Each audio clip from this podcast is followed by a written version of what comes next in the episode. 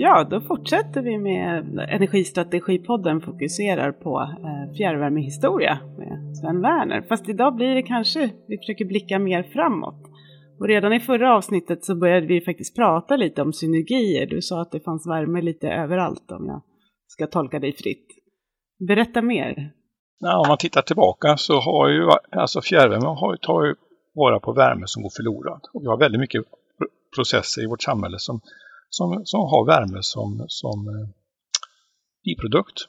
Det mest talande har ju varit att när man gör el ifrån eh, bränslen så är en stor andel av bränslets innehåll som går som värmeförlust och så är det en liten del kvar som vi gör el av.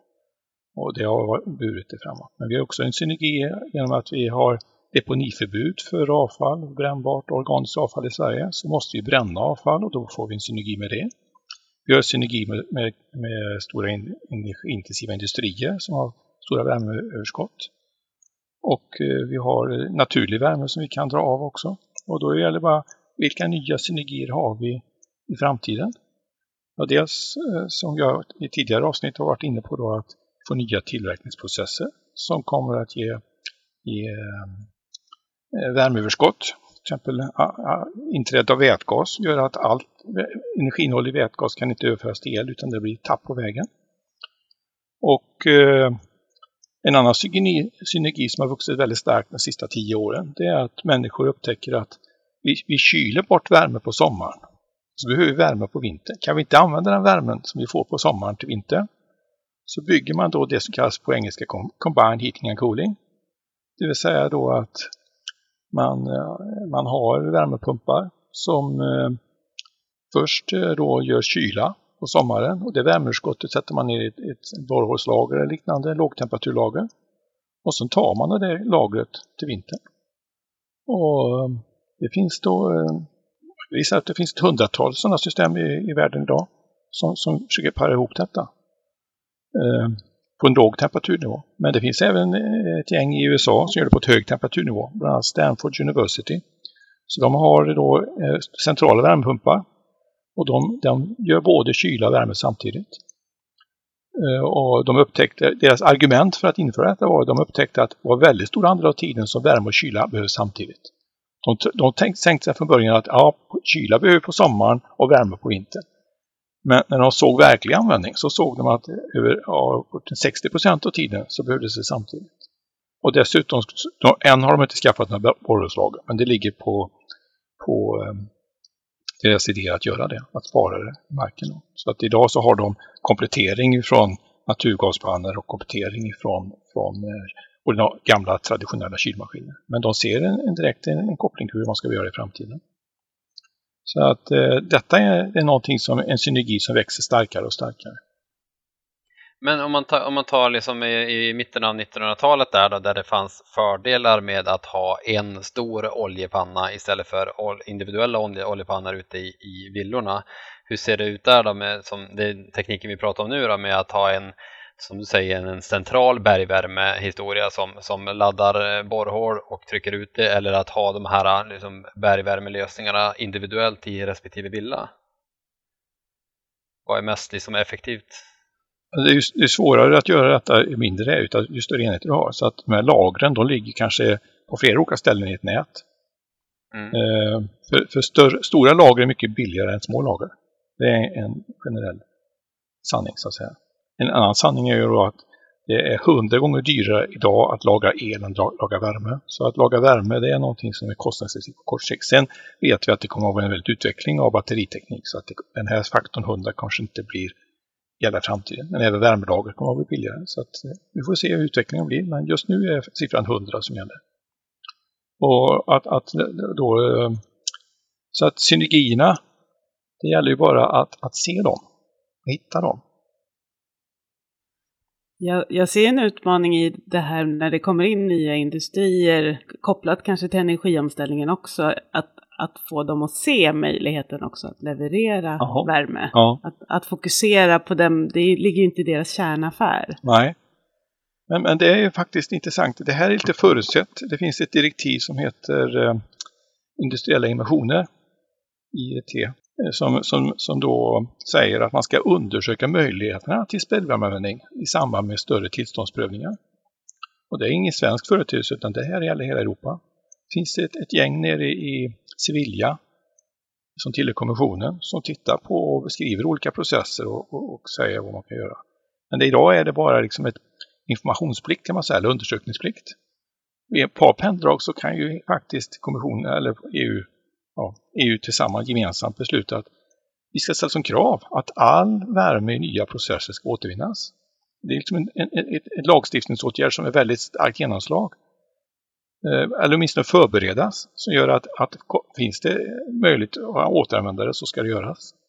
Så att det finns ju alltså bygga in detta, tänka efter före för att vi, alla de här återvinningar som har funnits i Europa, de har, de har kommit dit efteråt när processen är byggd. Men kan man komma in när, bygg, när processen byggs så är det mycket billigare att genomföra detta. Vad skulle du säga till alla de här, de här jättestora etableringarna som vi ser nu i norr. Vi pratar om H2 Green Steel och vi pratar om LKAB som satsar, alltså där, där, där man ska göra väldigt stora mängder vätgas. Mm. Ja, men om, man, om man då väljer att inte ta tillvara på den här eh, restvärmen som, som, som blir över, vad, liksom, gör man en, en dålig sak för miljön? Ja, det inser jag ju nu så här när vi pratar, eller det vet jag också. Men, men är det, är det, liksom, är det dumdrift utifrån ett ekonomiskt syfte också? Alltså missar man någonting väldigt, väldigt, väldigt väsentligt när man frångår att ta tillvara på liksom restvärmen? Ja, alltså i, om man tänker på, på då alltså järntillverkning då, så är det kanske det mest naturligt ligga eh, så nära som möjligt där malmen finns. Det, det, det är kanske dumt, det, det, är lättare att transportera värme än att transportera malm kan man säga. Så det som är mm. tyngst ska nog, ska nog avgöra vad man lägger. Men det finns andra många processer som, som, som i Sverige vi funderar på att göra. Jag menar, idag har vi en cracker i, i Stenungsund som används för att klyva kolatomer som kommer från Nordsjön, fossila kolatomer de där ska ju egentligen vara gröna kolatomer i framtiden. Vi måste liksom, de här ska ju baseras på någonting som vi ska... Och då kanske Sverige ska ha fler sådana crackers, för vi har ganska mycket biomassa i Sverige. Och då kanske vi ska fundera på var ska de lokaliseras. De kanske ska lokaliseras kanske så att de ligger på ett visst avstånd ifrån större städer. Eh, och att driva, att driva stora, stora ledningar är inte så problem heller, för egentligen ju större ledning det är, desto mer effektiv blir den. Det finns ledningar i, i Sverige, eller Europa som är 8 mil långa. Så, så att, eh, och i, runt Peking så funderar man på att bygga upp till 20 mil ledningar bara för att föra in värme in till Peking. Så, så att, att eh, alltså det är faktiskt så att en riktigt stor ledning har inga värmeförluster. För att eh, det är lika mycket friktionsförluster från att driva ledningen. De täcker alla värmeförlusterna. Så det är samma temperatur och kanske något högre temperatur när värmen kommer fram än när den skickades in i ledningen. Ja, men, men, men du sa tidigare alltså att du skulle vilja se något form av krav eller att, att ett omhändertagningskrav på överskottsvärme från industrier. Det, det, det är det du skulle vilja få till? Alltså alla processer ska ju miljöprövas och det är det steget som, som samhället kan säga att vi vill ha en motprestation här. Att vi vill ha värme från din process om vi ska, och vi vill gärna liksom lägga synpunkter på det här. Det, det tycker jag är ganska rimligt. För det gynnar oss alla att vi är effektiva. Det är dumt om någon ska skvätta iväg värme och någon ska tillverka värme för ett ändamål senare. Då. På sikt så kommer vi ha värmebehoven att sjunka i Europa för vi lär oss mer och mer att bygga effektiva hus. Det är ingen fråga om det. Och en del av problemställningen ska vara det. Vi har gjort sådana körningar ihop med våra danska kollegor och vi ser oss alltså att värmebehoven kommer att sjunka, de specifika värmebehoven kommer att sjunka minst med 30 procent fram till 2050. 30-40 procent. Det är rimligt. För det är många gamla hus som drar värme idag och de kommer säkert bli bättre. Men vi kan inte bygga om hela vår kulturvarv rakt av, det är omöjligt. Så vi kommer att ha vissa hus som kommer fortfarande dra värme, eh, som mer värme än andra. I, I, tidigare avsnitt så har ju du nämnt det här med fjärde generationens fjärrvärme och för, liksom att vi börjar, vi måste ju gå in där nu kände jag när vi börjar prata mm. framtid. Hur funkar fjärde generationens fjärrvärme och har vi något bra exempel på det? Det är, alltså vår, vårt utgångspunkt var att vi ville ha ett samlingsnamn för att mobilisera Europa för att göra smartare fjärrsystem som antar framtidens utmaningar med dels ny värmetillförsel och, och dels att kunderna har lägre värmebehov. Att få den ekvationen att gå ihop. Man kan bara tänka sig att om kundernas värmebehov är en fjärdedel så ska även förlusten i kärnvärmenät eh, gå ner till en fjärdedel. Det gör man enkelt genom att halvera temperaturnivån och fördubbla värmemotståndet Så är det löst. Så det, det finns folk som har gjort så. Det funkar. Så det är inget problem. Har vi något bra exempel i Sverige? Eh, nej, ingen halverad. Eh, I och med att ingen har lågtemperatursystem idag. Eh, och det är, så är inte alla hus, eh, alltså vi har inte genomgående helt nya hus heller. Så, så att de har fortfarande gamla hus. Men alltså om jag drar till ytterligheter så blir det så. Och, och, då måste vi tänka till hur det ska vara. Så att främst är det ett, ett samlingsnamn för att säga att nu ska vi ta bort alla fossila utsläpp. Och dessutom hantera att husen drar mindre i framtiden. Hur ska tekniken anpassas efter de två förutsättningarna? Det är utgångspunkten. Ja. Och eh, Vi har skrivit en eh, vetenskaplig artikel med våra danska kollegor där det formuleras fem olika alltså, krav på de här. Och, och, tre av de kraven berör att det ska vara lägre temperaturer. Dels för att få lägre förluster, men dels att man kan ha lågtemperaturkällor och dels att eh, eh husen då är bättre anpassade efter. Och det kräver då att husen också då har värmesystem som inte har för höga temperaturkrav. Och där har vi i Sverige slarvat lite. För gamla hus är dimensionerade för 80-90 grader fram. Men i och med att husen då drar hälften av vad de gjorde då så, så kan de köras mycket lägre temperatur idag. 50-55 grader kanske. Och det där tog staten ansvar för på 80-talet. Så nej, nu ska vi inte använda så höga temperaturer. Så de sa max 55 i den dåvarande byggnormen. Sen klev man från det ansvaret på 90-talet och sa att nej, det får marknaden sköta själv. Så i princip så är det vilda västern nu när man väljer storlek på redaktorer i Sverige. Det finns ingen enhetlig styrning av detta. Det är den skulle jag vilja ha tillbaka. Jag skulle vilja ha ett, att vi har ett gemensamt beslut. Det behöver inte vara staten som säger det, men det vore bättre att det fanns någon form av marknadskontrakt som sa att alla nya hus ska klara sig med max 40-45 grader. För sånt eh, finns faktiskt för oss, finns för, eh, infört i Schweiz. Så du kan inte bygga stora, små radiatorer i Schweiz. Du får inte bygglov då. Ja, alltså för det där är ju, jag håller med, det, det där är ju utmaningen med, med eh, fjärrvärmeleveransen att ja, men, eh, man, man skiljer på produktion, distribution och konsumtion och att allt det här hänger ihop. Även om det är slutna system som kanske inte liksom delar vatten med varandra så delar man ju någonstans värmeöverföring med varandra. Och, och eh, fjärrvärmeleverans det är ju trots allt eh, från att man ska koka vatten till att det är någon som eh, får in det i något golvvärmesystem eller radiatorkrets. Och det finns ju väldigt många delar från den där radiatorkretsen till produktion, alltså pannan som kan vara feldimensionerad eller felinjusterad eller vad det nu kan vara.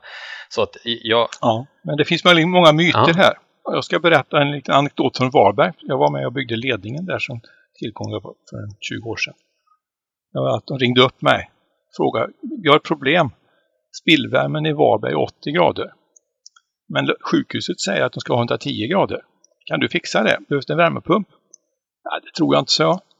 Kan, vad menar du med det? Ja, vi kan väl titta lite närmare på det. Så vi åkte ut till sjukhuset och tittade. Jo, det gick ut 110 grader från panncentralen. Men bara några meter till byggnaden så fanns det en, en shuntventil som tog ner till 70 grader.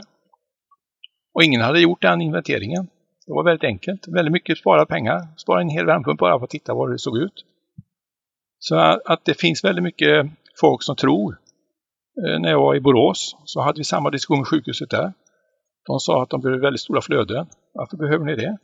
Ni kör ju väldigt hög tur tillbaka. Ja, men jag, jag tar betalt nu för, efter flödet fortsättning vill jag göra. Nej, får du inte. Då blir det mycket dyrare för oss. Då ställer vi till rabalder. Jaha. Kan du inte bara kolla vad orsaken till att du har så högt flöde? Så ringde han efter och sa Du, vi har en DN 200, den är fullt öppen mellan fram och retur.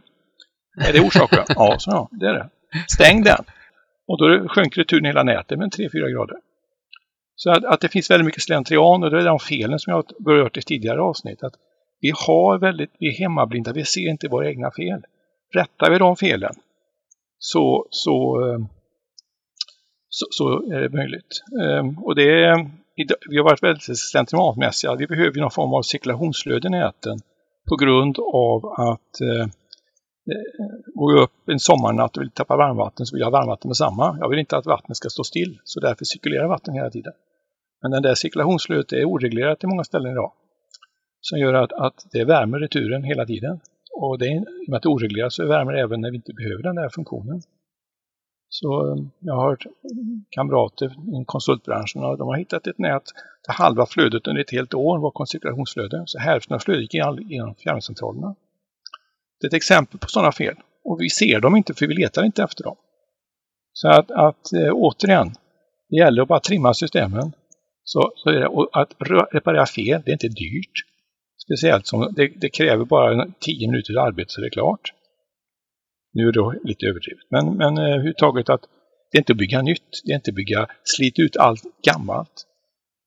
Eh, alltså du kan inte se på en värmeväxlare om den fungerar bra. Det, när vi gjorde vår temperatursänkning i Borås där på 90-talet så var det en värmeväxlare som såg för jävligt ut. Den, den, den satt i ett varuhus och den såg bedrövligt. Men den fungerar bäst i hela stan. Så du kan inte se, okulärt se hur den fungerar. Du måste ta mäta dess termiska längd. Och det är jätteenkelt. Bara mäta fyra temperaturer och slå in det i kalkylatorn och så räknar du ut det. Och den fungerar perfekt. Så att man måste läsa metoderna att göra det. Men, men jag menar, idag har vi ju liksom Eh, jätteutvecklade system som kan ta emot massa mätvärden. Här, alltså, vi får ju eh, temperaturangivelse på fram och retur och vi får flöde och energianvändning på timnivå in i, in i, i flöden som ska, eller i system som ska hantera någon form av big data här nu. Kan man inte liksom, eh, för, för det, hade, det, det, hade vi ju inte förr. Och kan man inte utifrån systemen utveckla liksom en, en, någon form av algoritm som kastar fram några kunder och säger hej hörni, åk ut på den här för de här använder på tok för mycket flöde per använd energienhet. Eller det är en orimlig framledningstemperatur på den här för att kollektivet ligger på den här nivån men just den här kunden ligger på den här nivån. Kan det vara någon kortslutning ute i gatan eller liknande? Jo, sådana metoder har vuxit fram under senare år. Vi fick den idén hos oss. Det är en av våra älsklingsfrågor. Så att vi sökte pengar 2009 för att göra just detta. Så vi har haft en doktorand som har jobbat med det här i fem år först. Han hittade massor med olika förklaringar och liknande kring detta. Så vi har lärt oss förstå detta. Vi har jobbat tillsammans med avdelningen för informationsteknologi på högskolan där vi har slått ihop våra kloka huvuden och de har sina metoder. Så de, de hittar sådana här saker 50 gånger snabbare än vad vi gör som ingenjörer. Och, och, eh, och vi har, vi har liksom tittat på förbrukningsmönster också. En del förbrukningsmönster är helt horribla. Jag fattar inte hur folk kan använda värme på det sättet. Så, så att vi, det, det, är så mycket man kan lära sig genom att, att få stora lag. Men man, vi har ett, de här verktygen börjar bli kommersiella och det, det växer upp sådana företag i Europa också. Jag hade kontakt med ett företag i Holland. De är 20-25 personer som jobbar i hela Europa bara med att analysera data. Vi hade jätteroligt en, en eftermiddag bara prata. Så, så har vi tagit att, att det här, den här tekniken kan, alltså unga människor som kan datorer, det har vi inte haft förut. Och det är jättebra. Alltså jag, jag tillhör den generation som var först med datorer. Jag lärde mig jag har aldrig läst datorer i skolan men jag, men jag har helt varit först på det hela tiden. Som gjorde att, eh, att eh, man har lärt sig. Men, men de slår oss med hästlängder. Ja, ja jag håller med. Ja, det är någonting som jag också har konstaterat när man har jobbat eh, nära ungdomar, i synnerhet nu de senaste åren, att jösses vad snabbt det går i den digitala miljön. Och, eh, och, och om vi nu ändå är inne där, vad, eh, vad, om vi tittar på fjärrvärmens framtid då, för att alltså jag, jag känner ju så här, eh, av att ha lyssnat på dig nu Sven i, ja men det blir tre stycken avsnitt här, där vi ändå kan konstatera att fjärrvärme är ett helt fantastiskt sätt att ta tillvara på jordens resurser på ett optimalt sätt. Att vi behöver inte använda liksom Eh, Eh, stora delar jordresurser för att göra så pass basala och enkla uppgifter som att värma eller kyla en fastighet utan man, man kan liksom eh, med eh, smart styrning med bra delning så kan man göra det på ett optimalt sätt. Alltså hur ser du nu, nu har vi varit inne på några grejer, ja, ungdomarna det är en del av lösningen. Vad, vad, är, vad ser du mer för, vad, vad måste till för att fjärrvärmen ska fortsätta att utvecklas precis som den har gjort nu i, i alla de här åren? Det intressanta är att fjärrvärme har olika klang i olika länder. I Sverige har vi en lätt negativ klang. Det är stort, fult och liknande. Eh, och eh, jag kommer till en sån situation. I grannlandet Danmark, där är det fint och vackert. Och, och där, där tävlar ministrar om att vara med på årsmöten och visa sig där. Årsmöten har 2000 deltagare på branschföreningens årsmöte. Så alla vill liksom politiskt markera att det här stöttar vi. Men, men, har, men det är svårt att få svenska ministrar att prata om fjärrvärme.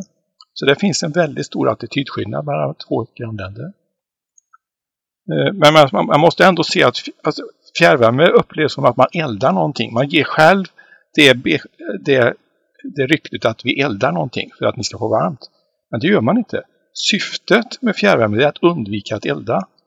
Det vill säga att, att inte tillföra något ytterst. Utan fjärrvärme det är en återvinningsbransch. Eh, det är ungefär som att återvinna flaskor eller återvinna tyg eller vad som helst. Det är en återvinningsbransch. Och det är att värme är alltid slutprodukten för all energiomvandling. Det har andra huvudsatsen i termodynamiken lärt oss. Och, och, då, måste man, då måste man ta vara på det, att återvinna det hela tiden. Eller återvinna en gång till. Vi kan inte återvinna hur många som helst. Men, men alltså, det, det, det är liksom en, man får en, en atmosfär kring eh, recycling. Att orda, använda ordet recycling i detta, det är liksom det, det som är den verkliga innebörden. Men det är få som inser det. Och eh, du tror att framförallt det är det som måste till verkligen? Eh, den, den ja, begreppskännedomen eller kännedomen om vad, vad, vad fjärrvärme gör inom liksom återvinningsindustrin får man väl kalla det då. Mm. Eh, ungdomarnas sätt att förnya fjärrvärmen och med ett datoriserat sätt kan, kan ja, men som du säger, liksom hitta fel och effektivisera systemet så det blir så optimalt som möjligt. Eh, är det primärt de två? Eller, ja, jag, jag, förstår ju också att det finns många fler delar som du gärna hade velat sätta. Men... Mm. men det finns många bra initiativ. Jag tycker öppen fjärrvärme i Stockholm är ett, ett ett aktivitet i den riktningen att man visar på att fort har värme, vi tar emot den. Och, och, och börja inte räkna pengar utan säg bara att vi tar emot all värme som vi kan ta emot. Och du får betalt efter en gemensam eh, prissättning, prisändring gäller för alla. att det är lika för alla. Så, så, så mycket tydligare att detta här är en återvinningsprodukt. Allting är lika värdefullt. Men Sven, om, om du satt och bestämde på ett fjärrvärmebolag idag och fick blicka framåt, vad, vad tänker du att du skulle fokusera på? Ja, alltså det här är långsiktigt. Jag skulle sikta på 2040-2050. Hur ska systemet se ut då? Och så drar man ditåt. Så måste jag ha acceptans för att, att, att, hur det ska se ut. Men jag skulle ha en vision av det i alla fall. Jag tror nog en av de första man skulle göra är att bygga ett stort lager. Inte det största lagret som finns, men, men åtminstone för att det, om du har ett lager som motsvarar 25 procent av leveranser, då tar du bort hela säsongsvariationen. Då kan du ha jämn tillförsel av värme året runt och ändå klara dig. Och du kanske börjar med det som är 5 procent eller 3 procent eller något liknande så att du lär dig och så repeterar det sen. För att man måste respektera lärprocesser. Du kan ingenting när du gör saker sin första gången. Men har du gjort någonting femte gången, då börjar det bli bra. Ja, jag håller med dig. Jag tycker det låter fantastiskt bra. Och om du fick eh, Anders Ygemans jobb under, för nästa mandatperiod, vad hade du, vad hade du gjort då? då? Oj, mer laddstolpar för elbilar. Uh. Jag hade eh, Se till att vi ett regelverk som gör att, verk inom EU för att just att all, all nybyggnation i industrier ska vara obligatorisk värmeåtervinning och liknande. Alltså att jag tycker, jag, jag har jobbat mycket med EU-direktiven och de är väldigt fina. Alltså det, vi får gemensam marknad, vi gör samma sak överallt. Väldigt bra. Vi får acceptera ibland att vi inte får som vi vill i en sån, sån grupp. Eh, men, är det är bättre att vi gör saker och ting samma. Det blir allt standardiserat. Tänk om vi, om vi kunde få igång en tillverkning av fjärrvärmecentraler till lägenheter i Europa. 2-3 miljoner enheter om året. Då skulle priset falla dramatiskt. Idag så är det hantverk. Vi kan ju inte tillverka Eh, produkter med hantverksteknologi. Vi måste ju syssla med industriell tillverkning. Jag tror med de slutorden får vi nog knyta säcken för den här trilogin av eh, kunskap ifrån Sven Werner, eh, där även du Katja Lindblom har varit medverkande och jag Henrik Näsström har varit medverkande.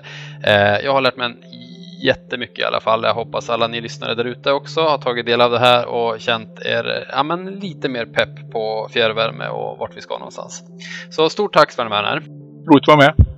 Och tack Katja Lindblom. Eh, så eh, då avslutar vi där. Podden produceras av Sigholm, er partner för förändringsprojekt och digitalisering inom energibranschen. Besök oss på våra sociala mediekanaler för att diskutera avsnittet vidare. Länk finns i beskrivningen.